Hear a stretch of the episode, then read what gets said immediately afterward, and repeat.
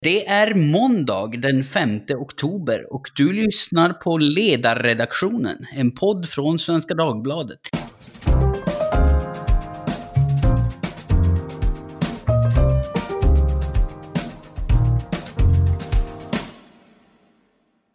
Idag ska vi prata om digitala vårdtjänster med fokus då på Kry som har varit kritiskt omskrivna i medierna de senaste dagarna. Kritikerna menar att Kry på ett olämpligt sätt har fått vårdtagare att lista om sig till just deras vårdcentraler genom att lyfta fram det valet i appen och erbjuda omlistning via BankID. Eh, Kry har utnyttjat appen och fått människor att lista sig utan att de ens förstått, säger Gabriel Lagerkrantz, verksamhetschef på landstingsdrivna Surbrunns vårdcentral. Kry och sin sida slår ifrån sig kritiken. Erik Hjelmstedt som är VD för Kry Sverige säger så här. Hittills har jag inte fått ett enda konkret exempel som är backat eller på något sätt visar att vi har gjort något fel. Så vad är det som händer här egentligen? Finns det legitim kritik mot Krys sätt att locka till sig vårdtagare? Eller handlar det om att den landstingsdrivna vården är rädd för konkurrens och rädd för att bli frånsprungna? Eh, kritik kommer även från politiskt håll. Socialminister Lena Hallengren säger att hon blev förbannad när hon tog del av DNs rapportering i frågan.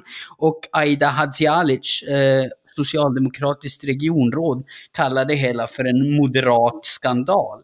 Men Kry, de vidhåller att de har agerat enligt konstens alla regler. Och vi ska ju, som vi brukar, försöka bena ut ämnet och göra det lite mer begripligt. Och eh, med mig för att göra just det så har jag de två ovannämnda herrarna. Erik Hjelmstedt, VD för Kry Sverige. Hej hej! Hejsan hejsan! Och Gabriel Lagerkrantz, verksamhetschef på landstingsdrivna Surbrunns vårdcentral. Hej hej! Hej hej! Och dessutom så har jag för lite stöd och stadga i min fladdriga vikarietillvaro tagit med mig min kollega här på ledarredaktionen, Olof Ehrenkrona, som har skrivit och poddat i ämnet digital vård förut. Hej hej Olof! Hej hej! Erik, om vi börjar med dig som representant för Kry, hur ställer du dig till den kritik som har kommit de senaste dagarna? Ja, jag tycker att man kan se på det på många olika sätt. Eh, jag tror att, till att börja med så vill jag, tacka, vill jag tacka för att jag får vara med i den här podden. Det är jättetrevligt att få diskutera. Jag tycker också att det är relevant att diskutera eh, den här mediebevakningen som sker, även om jag självklart liksom är part i målet. Ehm, jag tycker väl att den debatt som försiggår och de ämnen som tas upp är, är väl enkelspårig och möjligen snedvriden. Med full respekt för att jag är part i målet och självklart är subjektiv så tycker jag nog ändå det. Jag vill till att börja med konstatera att vi har ju sedan många år i Sverige det fria vårdvalet. Och i grund och botten så handlar det, den här debatten i mina ögon handlar väldigt mycket om det. Patientens rätt att välja vårdgivare eh, i många olika lägen. En av de lägena är ju vilken vårdcentral man vill höra till. Och eh, jag tycker i, i min värld och vi som jobbar på Kry ser det väldigt mycket så. Vi är här för att göra någonting bra för patienter. Vi vill ge patienter valfrihet. Vi tror att patienter är kloka och har god bild om sin hälsa och förmåga att göra ett riktigt val. Det är där vi står. Sen har det kommit en debatt om, om som jag personligen tycker är för snäv. Den är för långt ner i detaljer. Den handlar inte om de riktiga sakfrågorna, det vill säga vad digitaliseringen medför för fördelar för patienten att kunna välja eh, så att säga, eh, vård som bättre passar dem. Eh, jag tror att vi erbjuder ett, hur ska jag uttrycka mig, totalt paket till patienter som passar några. Och då väljer man att göra det. Eh, jag vet, jag har fått eh, påhälsningar själv från patienter som säger i princip äntligen, varför har ni inte gjort det här tidigare? Vi, många av dem, vi, eh, mycket av den här debatten, igen, i min värld, eh, kommer eh, av att det har gått väldigt fort. Det är väldigt många patienter som har listat sig på, på våra vårdcentraler i Stockholm som är nyöppnade. Och det har då jämfört med, med en tidigare värld ansetts gå alldeles för fort. Ja, ja precis. Och jag tycker personligen det, så här, det där är väl ändå fullständigt irrelevant. Det måste ju ändå vara så att vi... Alltså antingen så tror man att patienten har förmåga att göra kloka val själva eller så tror man det inte. Vi tror det. Jag vet att någonstans 80-90% av de patienter som har listat sig på vår vårdcentral är tidigare patienter hos oss. Så, så det, kan, det där är väl en liksom bakgrundsbild. Jag tycker att det, det blir en väldig debatt kring så här, hur fort kan man lista, hur är det rimligt eller inte och så vidare. Sen är ju de, de rena påhoppen att vi luras. Där mm. tycker jag att det är ju inte riktigt korrekt överhuvudtaget.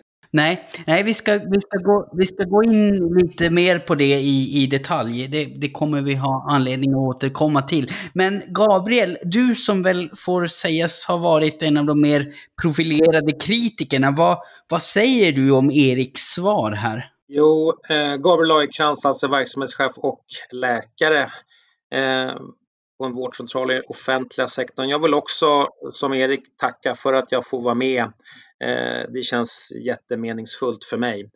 Eh, jo, jag tycker det finns, det finns ju flera aspekter i, i den här debatten och eh, jag vet eh, det finns ju flera ändar där man kan börja och, och prata och, och jag tycker att där man kan börja är ju att eh, tidigare har ju primärvården haft ett listningsförfarande som har varit väldigt noga. Och det handlar om att man kommer till en vårdcentral och skriver på en blankett. Den blanketten ska sedan arkiveras i flertalet år. Eh, och det här har varit ett system som har funnits länge och eh, som har fungerat relativt väl. Eh, nu så har Kry etablerat sig på marknaden. De har med stora summor investerat eh, i marknadsföring som den offentliga vården inte har någon som helst utrymme att erbjuda för det är skattebetalarpengar. Och vilket handlar om att det finns möjligheter för listing via BankID eh,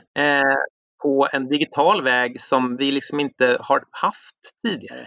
Och då har jag fått massvis med rapporter från olika patienter som, som inte har förstått vad det innebär. Så det väl, har väl varit en del av min kritik, att man har, man har tänkt att man har varit nyfiken. Eh, de uppgifter jag har fått är att man har gått in i appen och plötsligt är man listad och har inte fått någon bekräftelse. Så det är, det är väl en sak som jag har eh, i alla fall samlat massvis med sådana olika patientfall. Så det är en, en liten del i det hela. Och Fortsätter man på eh, Krys enorma satsning på marknadsföring, vilket vi liksom inte har, det finns ingen i nuläget som kan konkurrera med det. Då är det träffa en doktor inom 24 timmar för ett besvär som kanske inte behövde en läkarkontakt. På deras hemsida står det hudåkomma, över luftvägsinfektion eh, och eh, springmaskinfektion. Och då känns det som att det blir en skev bild i primärvården där man lägger mycket pengar på patienter som kanske inte behövde en avancerad läkarkontakt utan kanske behövde egenvård. Men det är en egen, det är en egen aspekt så att säga. Ja, nej, men vi ska återkomma till det, den, den diskussionen om, eh, om det eh, finns risk för överutnyttjande och så vidare. Men man, man kan väl invända där att ja, men det måste väl vara rimligt att lista sig via BankID för att hur, hur ska vi annars kunna ha sådana här digitala lösningar alls? Och folk överlag torde väl veta att BankID, alltså legitimering med BankID, ska ju på intet sätt användas mer lättvindigt än en, en fysisk legitimering på ett papper. För jag menar, du kan ju ge bort alla dina pengar med hjälp av BankID, men det, men det betyder ju inte att som BankID som fenomen kanske är det problem vi ska skjuta in oss på. Men eh, Olof, vad säger du när du hör Erik och Gabriels diskussion? Ja, eh, det är en diskussion som väl kommer upp när någonting är nytt. Eh, och, och, det är ju inte, det nya är definitionsmässigt inte kompatibelt, helt kompatibelt med det gamla. Det är därför det nya finns. Mm. Och det ska ju inte alls uteslutas att man behöver annorlunda rutiner när det gäller, det gäller listningen till exempel. Eh, men det viktiga tycker jag i det här sammanhanget, det är ju den valfrihetsvinst som uppstår när man digitaliserar vården och det gör att kontakten med en vårdcentral kan tas oberoende av geografisk plats i, i rummet. Eh, det är uppenbart enorma fördelar för de som bor i, i, i, riktiga glesbygder, men det är ju stora fördelar också för oss som bor i stan. Eh, jag, jag behöver ju ibland kontakt med en läkare och, och då är det klart att då, det tar ju väldigt tid att gå genom landstinget om jag inte vill uppsöka vårdcentralens mottagning utan beställa tid via landstingets äh, sajt. Så att säga. Den är ganska krånglig och seg om man ska vara uppriktig. Mm, mm, ja, precis. Och, men det, det, har ju också vår kollega Lydia Wåhlsten eh, talat om när den här frågan har varit uppe förut. Just det här att det, det kommer ofta kritik om att det skulle kunna leda till ett, ett överutnyttjande. Men, men samtidigt så finns det väl Eh, sånt som tyder på att ja, men vi i Sverige kanske inte nyttjar primärvården så mycket som vi borde. Vi, vi är det land i Norden med lägst antal läkarbesök och det, det skulle väl istället kunna vara så att de hinder som har funnits har ledit till ett eh, underutnyttjande av primärvården och att folk går och drar sig med saker och sen i förlängningen då blir mer sjuka och får ett större vårdbehov. Men Erik, eh, även om det är så att ni följer reglerna idag, för det, det har ju varit ert svar på den här kritiken, så det finns ju en diskussion om att regeländringar skulle behövas för, för att anpassa eh, liksom vården till den här framväxten av nya tjänster och framväxten av, av nätläkare till exempel anpassa ersättningssystemet så att det, det, ser annorlunda ut än idag och så vidare.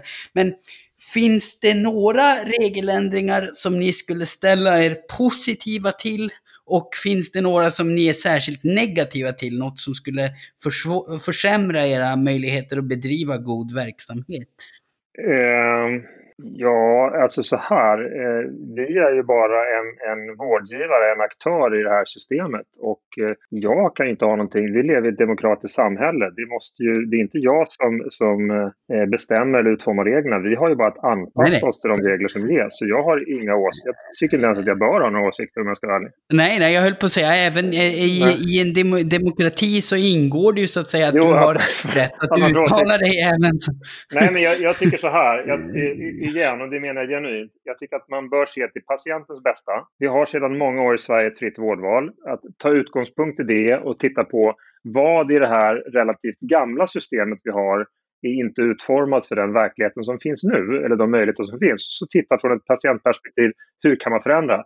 Sen är det inte jag som ska, som ska göra de förslagen eller göra de ändringarna. Men jag är övertygad om att man kommer hitta ett och annat. Jag tycker det viktiga är att igen ta utgångspunkt i patientens välbefinnande. Sluta skilja på digital och fysisk vård. Det är på riktigt rent nonsens. Utan istället titta på vem kan leverera en, en komplett vård till patienten. Jag känner inte riktigt igen mig i Gabriels bild att, att vi eh, bara kan göra vissa saker. Vi håller på med triagering idag och vi försöker redan i, i den initiala kontakten, oavsett om den är bara text digitalt, ett möte digitalt eller en telefonkontakt, hjälpa patienten där och då. Nästa steg är, är digitalt vårdmöte och steget därefter, nödvändigtvis inte den ordningen, de kan hoppa förbi flera steg, är, är att skicka dem till en vårdcentral. Allt inom primärvårdskedjan. Helhetsansvaret för patientens vård, det är det som är intressant, ingenting annat. Att skilja på digital och fysisk vård, det är rent nonsens. Ja, ja. Har vi då ersättningssystem som inte är anpassade efter den verkligheten, ja men då bör man se över det. Och så får man ge förutsättningar. Och det viktiga är, tycker jag, det är att alla aktörer inom primärvård får samma regelsystem och samma förutsättningar. Mm, mm. Va, vad säger du om det här, Gabriel? Tycker du att Erik har en rimlig jag tycker det ligger någonting i det som Erik Hjelmstedt säger. Alltså jag tycker ju att alltså, vi ska inte kasta paj på varandra i det här läget och det, och det gör vi heller inte. Utan, eh, utan jag, jag, tror att när Kry har etablerat sig på marknaden så har ju vi öppnat upp för att eh, jobba på ett nytt och spännande och annorlunda sätt. Och det måste vi ju verkligen eh, vad heter det, berömma er för. Och, och under den här covid-pandemin har ju vårt digitala arbetssätt verkligen ökat. Men det som jag kan tycka, som har hållit på med primärvård nu ett tag och är faktiskt hyfsat bra på, på regelboken, eh, kan man ju säga att jag som verksamhetschef siktar ju på nummer ett som mitt mål för min verksamhet, patienten i fokus och en kvalitativ hög vård. Och jag är ju rädd för att du Erik som egentligen är ju liksom en affärsman och jag är ju läkare, att ditt primära mål är ekonomiskt incitament. Och då blir det så att i grund och botten så blir det faktiskt patienten som förlorar på det här. Alltså om man då har väldigt mycket pengar på marknadsföring så säger man träffa den här doktorn för ett banalt, en banal åkomma så tjänar ju ni eh, pengar på det. Och vi vill ju arbeta med riktig sjukvård. Jag är ju specialist i allmänmedicin. Jag vill ju arbeta, jag vill ju inte arbeta med förkylningar. Jag vill ju inte arbeta med enklare röd, en, en, en röd, ett litet rött eksem. Utan det här är ju mycket, mycket egenvård och jag tycker debatten måste lyftas där. Och det är ju det här med ekonomiska vinningen, alltså vårdshop som vi är på väg mot. Får man replikera? Ja, och, och jag skulle nästan vilja, jag är ju ledarskribent så jag behöver ju inte låtsas vara opartisk i den här frågan. Jag, jag, kan frustreras lite av den här argumentationslinjen, att när det kommer ett privat företag så säger man deras primära mål är ekonomisk vinning till, och, och, och insinuerar då också att nej men då, och då bedriver de egentligen inte god verksamhet utan de försöker bara mjölka systemet. Och, och den argumentationen skulle man inte driva om en matbutik. Man ska ju inte låtsas att, att en matbutik säljer på kunderna skit för att tjäna så mycket pengar som möjligt. Men eh, ja, Erik, du får, du får gärna replikera. Ja, men eh, eh, vad bra, tack. Då, då, kanske inte jag ska ta just den vinkeln som jag för övrigt håller med om då. Det är ju ändå så att vi, oavsett vilken bransch eh, eh, man har verksamhet i, så den, den bästa sättet att finnas där och vara långsiktig för sina stakeholders, i vårt fall patienterna, det är att det ekonomiskt går runt. Verksamheter som ständigt går back, de kommer inte finnas kvar så småningom, det är ju en naturlag. Men Okej, okay, det var inte det jag ville replikera. Nej, så här. Eh, jag eh, eh tycker inte speciellt mycket om de insinuanta undertonerna av att vi bedriver någon sorts fejkvård eller har lägre kvalitet. Eh, jag välkomnar alla som vill komma till oss och se hur vi arbetar med kvalitetsledningssystem, med olika lager av seniora läkare och hur hela vår nationella muskel finns där, inte bara för det enskilda digitala mötet utan även för mötena ute i vårdcentralerna. För det faktiskt fungerar. Jag skulle vilja påpeka att vi har varit inspekterade av flera myndigheter, IVO bland annat, inte en anmärkning, utan mellan raderna snarare så här, oh wow, är det så här ni jobbar? Så att, att, att, sitta och insinuera på riktigt, Gabriel, att vi har sämre vård eller att vi har någon sorts annat för ögonen, så här, det tycker jag är eh, Eh, på gränsen till smaklöst. Det gör mig nästan arg på mina eh, kollegors eh, vägnar som, som är verksamma i professionen, för det är det sista vi gör. Jag tror, jag tror mig veta att vi har mycket mer stringenta riktlinjer för hur man får jobba, eh, vad som är vad inom det medicinska och hur vi följer upp. Till exempel så har ju vi live uppföljning på alla journaler och, och eh, receptförskrivningar som görs av våra läkare live.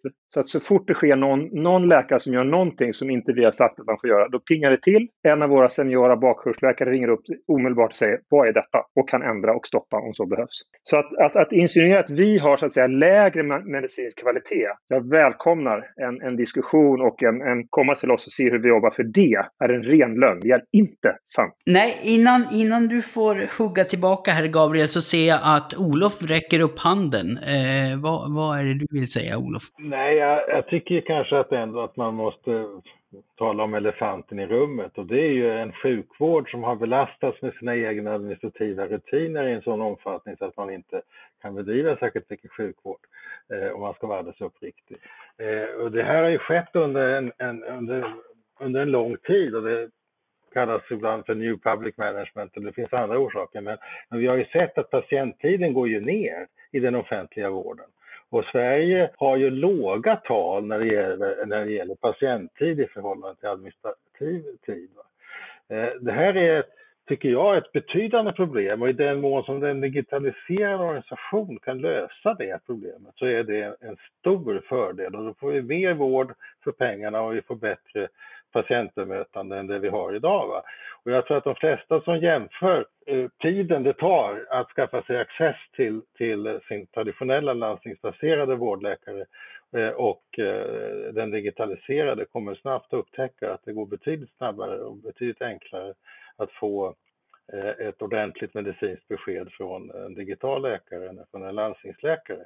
Och jag vill nog hävda att även om det är så att det från, att från läkarens utgångspunkt är en struntsak, så är ju det beror ju mycket på den kliniska erfarenheten som läkaren har. En läkare som har jobbat kliniskt i 50 år kan ju direkt se naturligtvis att patienten är onödigt orolig. Men att få det svaret i sig viktigt väldigt viktigt för patienten. Ja, ja precis. Och, och eh, ja, alltså just ett av Krys svar på kritiken som, som vi ju hör även här av Erik, det är, har ju varit att nej men eh, de, de erbjuder god vård. Kritiken från landstingsdriven vård är prim, prim, primärt för att de räds konkurrens och räds att bli frånsprungna. Och här i podden så brukar jag ju pressa deltagare till att försöka agera djävulens advokat för att kasta ljus på argumenten ur fler vinklar. Så jag tänkte börja med att sätta dig i den otrevliga positionen, Gabriel, lite utifrån det vi nu precis har pratat om. Ligger det inte någonting i det? Kan det inte vara så att Kry och andra nätläkare helt enkelt lockar vårdtagare därför att de erbjuder bättre tillgänglighet och i många fall helt enkelt är bättre på att tillhandahålla den vård som vårdtagarna faktiskt efterfrågar? Jo, men jag tycker så här att man måste tänka på när man pratar om tillgänglighet. Vilken primärvård vill vi ge patienten? Och jag vill ju ge patienten den absolut mest kvalitativa primärvården för rätt besvär. Om vi lägger massor med miljontals kronor på att eh, vi kablar ut. Om du är lite förkyld så sök då eh, oss via nätet så kan vi bedöma dig. Då menar jag att vi går miste om väldigt mycket pengar som behöver läggas på andra ställen. Och då ska tillgängligheten var jättehög. Problemet är att eh, man måste ha rätt tillgänglighet. Det får inte bli det här vårdvinnartåget att vi, om du har ett akut problem, då ska du träffa en läkare här inom en timme. Personen som kanske har jättesvårt med svåra problem, kanske finns samsjuklighet, det finns en, en stor komplexitet tror jag kan vara i fara i det här läget. Och det är där jag, det är där jag vill lägga mitt fokus i den här debatten. Jag har inte meningen att såra någon. Jag tycker ju att, att eh, vad heter det, Kry, de gör ju jättemycket bra saker. Jag, har ju, jag, jag vill inte framstå som att jag är stelbent och inte kan se det, men jag, vill, jag värnar ju om en kvalitativ primärvård. Det är därför jag är med i det här programmet. Jag tänker inte testa några pajer hit och dit och så in och säga att man insinuerar olika saker. Det får ju stå för en privat, på, den, på den på den egna verksamheten. Men jag menar att lägger man fel fokus i primärvården på saker som kanske inte i första hand ska vara där, då kommer vi snart att ha en primärvård som inte har kvar några pengar helt enkelt. Nej, och, och alltså, jag, kan väl tycka, jag kan tycka att det är en ganska saftig paj att säga att nej men ni, eh, ni, ni vill ju mest lägga pengar på enkla grejer så, som vi då, alltså, med, med din utgångspunkt, egentligen inte borde lägga pengar på. Medan Erik svarar åt, åt sin sida att nej men det är ju inte det Kry gör. De, de erbjuder god och högkvalitativ vård, de får beröm när de granskas och så vidare. Och, och jag menar, menar, är det, är det då så att, att, det, att det finns ett överutnyttjande, ja då, då får man väl kanske granska det och, och se hur man ska ändra regleringar där, därefter. Eh, men nu, nu vet jag inte om det har, har etablerats något sådant bortom rena insinuationer. Eh, så, i Krys kvalitetsrapport så står det de vanligaste diagnoserna som ställs av vår vårdpersonal. Då är nummer ett hudåkommor. Sen är det övre luftvägsinfektion. Sen är det infektion i urinvägar och urinblåsa okomplicerad. Sen är det infektioner och springmaskinfektion. Det är det som Kry har jobbat med senaste tiden. Är, är, är det ett problem, Erik, eh, att det ser ut så? Innebär det att ni prioriterar fel, eller vad säger du om det? Nej, men eh, Gabriel har ju helt rätt. det är precis det som står i vår kvalitetsrapport som är baserad på data som vi har tagit ut från de senaste åren bakåt i tiden när vi enkom bedrev digital vård. Och det var det vi kunde göra och mm. hjälpa till med. Nu gör vi inte det. Nu gör vi mm. lite mer. Vi har 20 vårdcentraler idag. Vi är en av världens, ja. eller inte, inte en av världens ännu, men vi är en av Sveriges största eh, vårdgivare mätt i antal enheter och antal anställd personal. Så att eh, det är mm. helt korrekt som Gabriel säger, men det är ju på den, den tidigare verksamheten som bara var digital. Och jag vill bara mm. passa på att säga det att så här, nej men vänta nu här, bara så att ingen tror någonting annat. Vi är ju här för att bedriva högkvalitativ vård där patienten själv får välja. Det är därför vi är här. Och det är det mm. vi tror att vi gör. Jag har inga tecken på att vi gör någonting annat. Nej, nej, och, och skulle sådana tecken framkomma då, då får man väl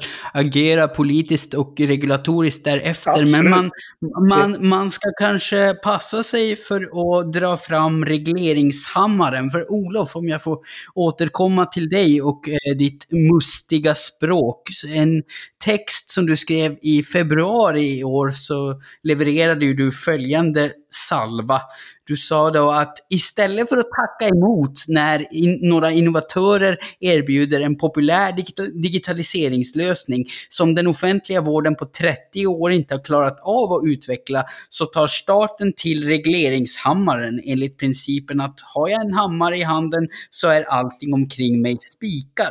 Och vad säger du, finns det någon fara att det händer här? Att man med överdriven reglering kväver en i grunden god utveckling. Ja, absolut. Eh, och det är klart att eh, om man får ett överutnyttjande så måste man, ett sätt att reglera detta är att reglera detta via priset på tjänsterna. Och, och, och eh, det, är, det, är, det är inte säkert att allting ska vara skattefinansierat i, i den moderna digitaliserade världen. Så det där kan man ju diskutera, men, men min, min poäng är det att inom det offentliga vårdsystemet har vi haft en strukturell förändring som har gått ut på att man administrerar vården mer än man utför den. Och det är ett mm. stort samhällsekonomiskt problem och det är ett mycket stort problem för patienterna som mm. som hamnar i kösituationer hela tiden. Sen är det, tycker mm. jag, kanske också på det här viset att det, en vårdcentral kan ju ha olika kompetenser på, på sina anställda. En, en, en, I den mån sköterskorna kan hantera eh, eh hantera en, en, en, en sjukdomar som inte läkarna behöver göra så är det fullt okej okay det. Va? Men patienten behöver någon som talar med, som erfarenhetsmässigt kan säga, är den här infektionen farlig? Är den här inflammationen farlig? Jag har gått med den länge, jag vill, eh, vill bli av med den. Eh, när ska man sätta in antibiotika och sådana saker? Det är en rad mm. frågor som patienterna har och som blir mer och mer angelägna. Ta hela det här med antibiotika, antibiotikaresistensen till exempel. Det är ju väldigt viktigt att man har en kvalificerad rådgivning till patienterna som, som mår mm. dåligt och vill ha antibiotika för, för, för, för att må bättre. Va? Så att, eh, jag ifrågasätter starkt den här liksom, inställningen att man ovanifrån ska bestämma när det här är en åkomma som patienten inte ska, den är så enkel så den ska vi inte, eh, där ska inte finnas någon, någon, någon, inom vården som, som svarar när man ställer frågor. Och idag är det faktiskt så att det, det, är ingen som svarar när man behöver fråga annat än sjukvårdsupplysning och den är i och för sig bra men, men, men den räcker ju inte alltid. Olof, till vilket pris? Alltså det som är svårt för mig det är att jag som läkare och verksamhetschef, jag ställer inte om min verksamhet helt efter ekonomisk, eh, hur, hur mycket ersättning jag får. Utan jag ställer om min verksamhet för kvalitativ vård. Det som jag är orolig för, som jag är orolig för, ja, Ja, det, det, där vill jag gärna säga, Gabriel, det där är en överdrift. Du ställer om verksamheten efter de nya administrativa rapporteringskraven som landstinget ställer. Och du vet det säkert lika bra som jag, att det där kostar jättemycket pengar och jättemycket bortfallen vård. Eh, och, och jag har ju sett det här i verkligheten. Eh, och det är, inte, det är möjligt att ni, inte, att ni inte är ute efter att tjäna pengar, men ni tvingas hela tiden in i en administrativ grottekvarn och ett administrativt ekorrhjul som kostar patienttid. Ja, alltså det, det där får du gärna komma och besöka oss om du vill, om du vill ha del i det. Jag, jag är bara rädd för att till exempel Kry kan eh, nu eh, sätta mycket fokus på listning för att det är det som man tjänar mest pengar på nästkommande år. Eh, och tidigare så var det besök och då var det väldigt mycket besök och utomlänsregistreringar. Alltså jag är orolig för att man tömmer primärvården på pengar som egentligen ska gå åt de patienterna som behöver det mest. Och jag tror att Olof, du pratar om tillgänglighet, men jag pratar alltså om, om var ska vi lägga pengarna så att vi får en kvalitativ primärvård? jag vill bara säga det så här, igen. Räknat, om man till exempel räknar i antalet eh, vårdenheter så är Kry idag Sveriges fjärde största vårdgivare. Vi, vi eh, har eh, arbetat på samma uppdrag och med samma upp, uppdragsgivare på samma regelsystem som alla andra. Eh, som vi vet så är det svenska systemet ett kapiteringssystem. Det, det sätts av en peng i grund och botten, eh, lite förenklat, per medborgare eh, som, som distribueras ut via regionerna eh, det är inte så, jag, jag, har lite svårt att förstå den rent matematiska hur vi kan dränera vården när vi levererar vård för ett antal listade patienter. Det, den, den förstår inte jag riktigt om jag ska vara helt ärlig. Så att vi spelar på exakt samma regelsystem som alla andra. Det är rent tekniskt omöjligt att så att säga inom citationstecken dränera vården på det sättet. Det är lite svårt att förstå. Men, men, men Erik, om, om jag ska eh, i rättvisans namn så ja. vill jag ju även sätta dig i rollen som djävulens advokat. Om, om du, liksom tittar, om du tittar självkritiskt på er verksamhet, finns det något som ni behöver göra annorlunda? Eh, absolut, vi behöver bli mycket bättre. Eh, mycket, mycket bättre. Vi har precis börjat vår resa. Nej, men någonstans så här, vi vet ju alla vilken utmaning vården står inför i Sverige. Det är den demografiska situationen med kopplade livsstilssjukdomar och så vidare. Det, och vi vet att, liksom, eh, jag kan inte exakta siffran för Sverige, men, men snittet i Europa är ju att typ 11 procent av BNP går till vårdsektorn och en liten del av det går till primärvården. Vården i stort puttar ut mer på primärvården. Vi har en ekvation som inte går ihop. Det kräver att det görs liksom omvälvande tag i primärvården för att det ska bli mer vård till fler eh, för, med samma resurser och samma pengar pengar. Det är det vi jobbar med. Med digitala verktyg, med högre grad av automatisering etc. etc. Det behöver, vi har precis börjat. Vi behöver bli mycket bättre på det. Vi har börjat resa med att knyta ihop de här världarna och eh, vi har en bit kvar att gå. Ja, precis. Men, men om jag ska, för, för här, här eh, talar du ju bara om att ni är bra och ni ska bli ännu bättre och det, det låter ju fröjdefullt och sådär. Men, men, men om jag på riktigt ska ha dig och vara djävulens advokat, och så finns det någonstans där ni har brustit. Har ni några indikationer till till exempel på att folk har registrerat sig hos er utan att det egentligen var deras mening? Det finns säkert de exemplen. Återigen, det är ingenting som har nått mig konkret. Eh, och jag vill, jag vill gå tillbaka till det där du började, att eh, rimligen borde det vara så att om man använder sig av bank-id, då vet man att då har man någon sorts koll på att att, det, att man gör någonting på riktigt så att säga. Ja. Själv har jag lite större tilltro till att där, där gör man ju någonting på riktigt. Versus att skriva på ett papper på en vårdcentral. Det är, två, det, det är lite olika digniteter de tycker jag själv. Jag är övertygad om att det är säkert någon patient som har kommit i kläm. Det, det kan jag inte säga att det inte är. Men, men återigen, vad vi gör, vi är genuint här för patienterna. Vi lyssnar på den feedback vi får och vi försöker alltid att förbättra oss. Ja, och, och finns, det, finns det någonting ni skulle kunna göra? Alltså om det visar sig att det är ett ett problem med, med överutnyttjande. Om det visar sig att liksom, det går vårdresurser, nu säger du att det inte är så, men säg att det skulle framkomma att från politiskt håll, man skulle säga att nej men nu får ni, nu får ni skärpa till er, nu får ni ändra på er, för annars kommer det hårda regleringar. Hur, hur skulle ni reagera då? Skulle, skulle svaret vara att nej men det här är, vi erbjuder god vård, vi har erbjudit vård som patienter faktiskt behöver, eller hur?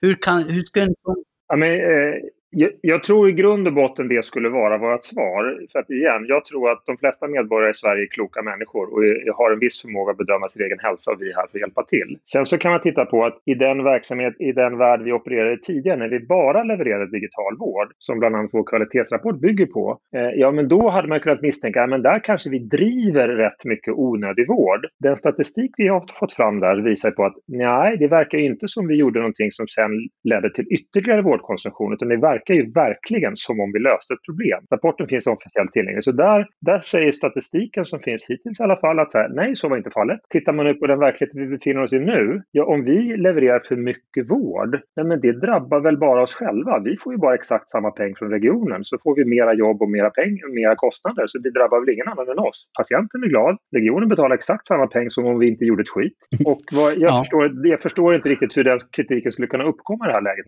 gång. Nej, nej. Alla borde bli nöjda. Jag tycker det är en aspekt på det här som vi inte har talat om men som är väldigt viktig. Det är ju att där det finns sjukhus så går ju folk direkt till sjukhusens akutmottagningar och, och, och går inte till, eh, till primärvården därför att den inte är tillräckligt tillgänglig. Det är mottagning någon timme på morgonen eh, och sen så kommer man, kommer man aldrig fram på telefonen och, och, och, och, och det, det eller söker man tid på, på landstingets sidor så, så tar det ett antal dagar. Va? Och är, har man vissa akuta besvär som är jättejobbiga, då, går man ju, då åker man ju till sjukhusens akutmottagning. Och det blir ju i sig då en konsum, överkonsumtion av vård. Som, som, som man och en dyrare också, vårdform dessutom. En mycket dyrare vårdform, mycket dyrare vårdform. Ja, ja, jo, nej, det, det finns mycket att bena i kring det här och den här frågan lär vi ju fortsätta dividera om ett bra tag framöver. Vi, vi kan väl bara hoppas på att de lösningar och eventuella nya regleringar som till slut presenteras leder till att så många som möjligt får så god vård som möjligt på ett så kostnadseffektivt sätt som möjligt. Men jag är ju en varm anhängare av idén om att man inte ska skiljas som ovänner. Även om ni har vidhållit att det inte har kastats någon paj här idag så tycker jag ändå att det har svävat lite paj i luften. Eh, så, så jag tänkte försöka eh, avrunda med en öppen framåtsyftande fråga som jag brukar försöka göra när vi har poddat i just infekterade ämnen. Så brukar jag försöka ha en öppen och lite munter fråga som plåster på såren och så tänkte jag göra även idag. Om ni var och en kort får peka på en enda konkret grej man skulle kunna göra för att höja kvaliteten på vården i Sverige idag. Vad skulle ni säga då? Om vi börjar med dig Gabriel. Eh, att höja eh, kvaliteten på vården idag? Ja, ja. det är ju en, eh, verkligen en, eh, en, eh, en mycket stor fråga som man kan prata länge om. Och jag vill ju säga att vi ska lägga fokus på såklart hög tillgänglighet men till rätt patient med rätt besvär. Och det lovar jag att det kan vi göra. Och jag är glad när jag hör Erik eh, prata om att han vill värna en kvalitativ primärvård.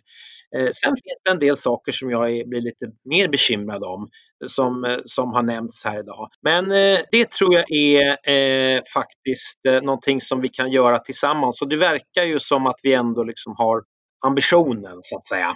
Ja, men det känns ju mysigt om vi kan komma överens om att vi strävar mot samma mål. Erik, hur skulle du svara på den frågan? Ja, men det finns ju säkert eh, eh, uppsjö av olika uppslag för det, men, men jag kanske vill eh, snarare att inkludera eh, eh er båda i, i den varma gemenskapen och säga att eh, medierna gör ju alltid, eh, har ju en uppgift att göra ett bra jobb. Fortsätt granska vården.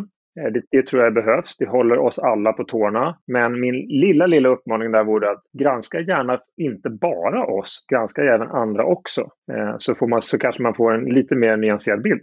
Du, du menar inte bara er som i inte bara privata vårdutförare eller, eller utförare av digital vård? Ja, jag tänkte nog mer, jag tänkte mer inte bara Kry, utan, utan fortsätt ah, granska vården, inklusive oss, men kanske inte bara oss det kan bli väl snett. Nej, nej, okej. Okay. Ja, okej. Okay. Nej, vi ska försöka få in en så bra bredd som, som möjligt. Och sist men inte minst, Olof, vad skulle du säga är det viktigaste vi kan göra för en godare vård?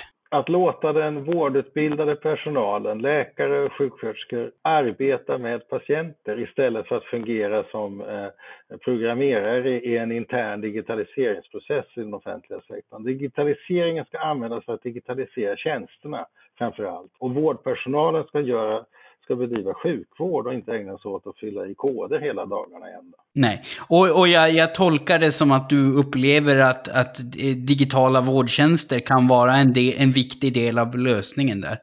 I, ja, absolut. Även i den offentliga vården. Men då är det tjänsterna som organiseras, inte, inte rutin, de interna rutinerna. För det är det som är hotet idag mot sjukvården. Ja, ja precis. Eh, det är, de, det är det som är hotet idag mot sjukvården. Med de orden så rundar vi av för idag och säger stort tack till våra medverkande. Erik Hjelmstedt, VD för Kry Sverige. Gabriel Lagerkrantz, verksamhetschef på landstingsdrivna Surbrunns vårdcentral. Samt min min kollega här på ledarredaktionen, min klippa för dagen i den massmediala snålblåsten, Olof Ehrenkrona. Och ni lyssnare, ni får som vanligt gärna höra av er med allt vad vi kan tänkas vara intresserade av. Frågor, synpunkter eller för den delen åratal av uppdämd vrede skickas till ledarsidan at svd.se. Ta hand om er allihopa så hörs vi snart igen.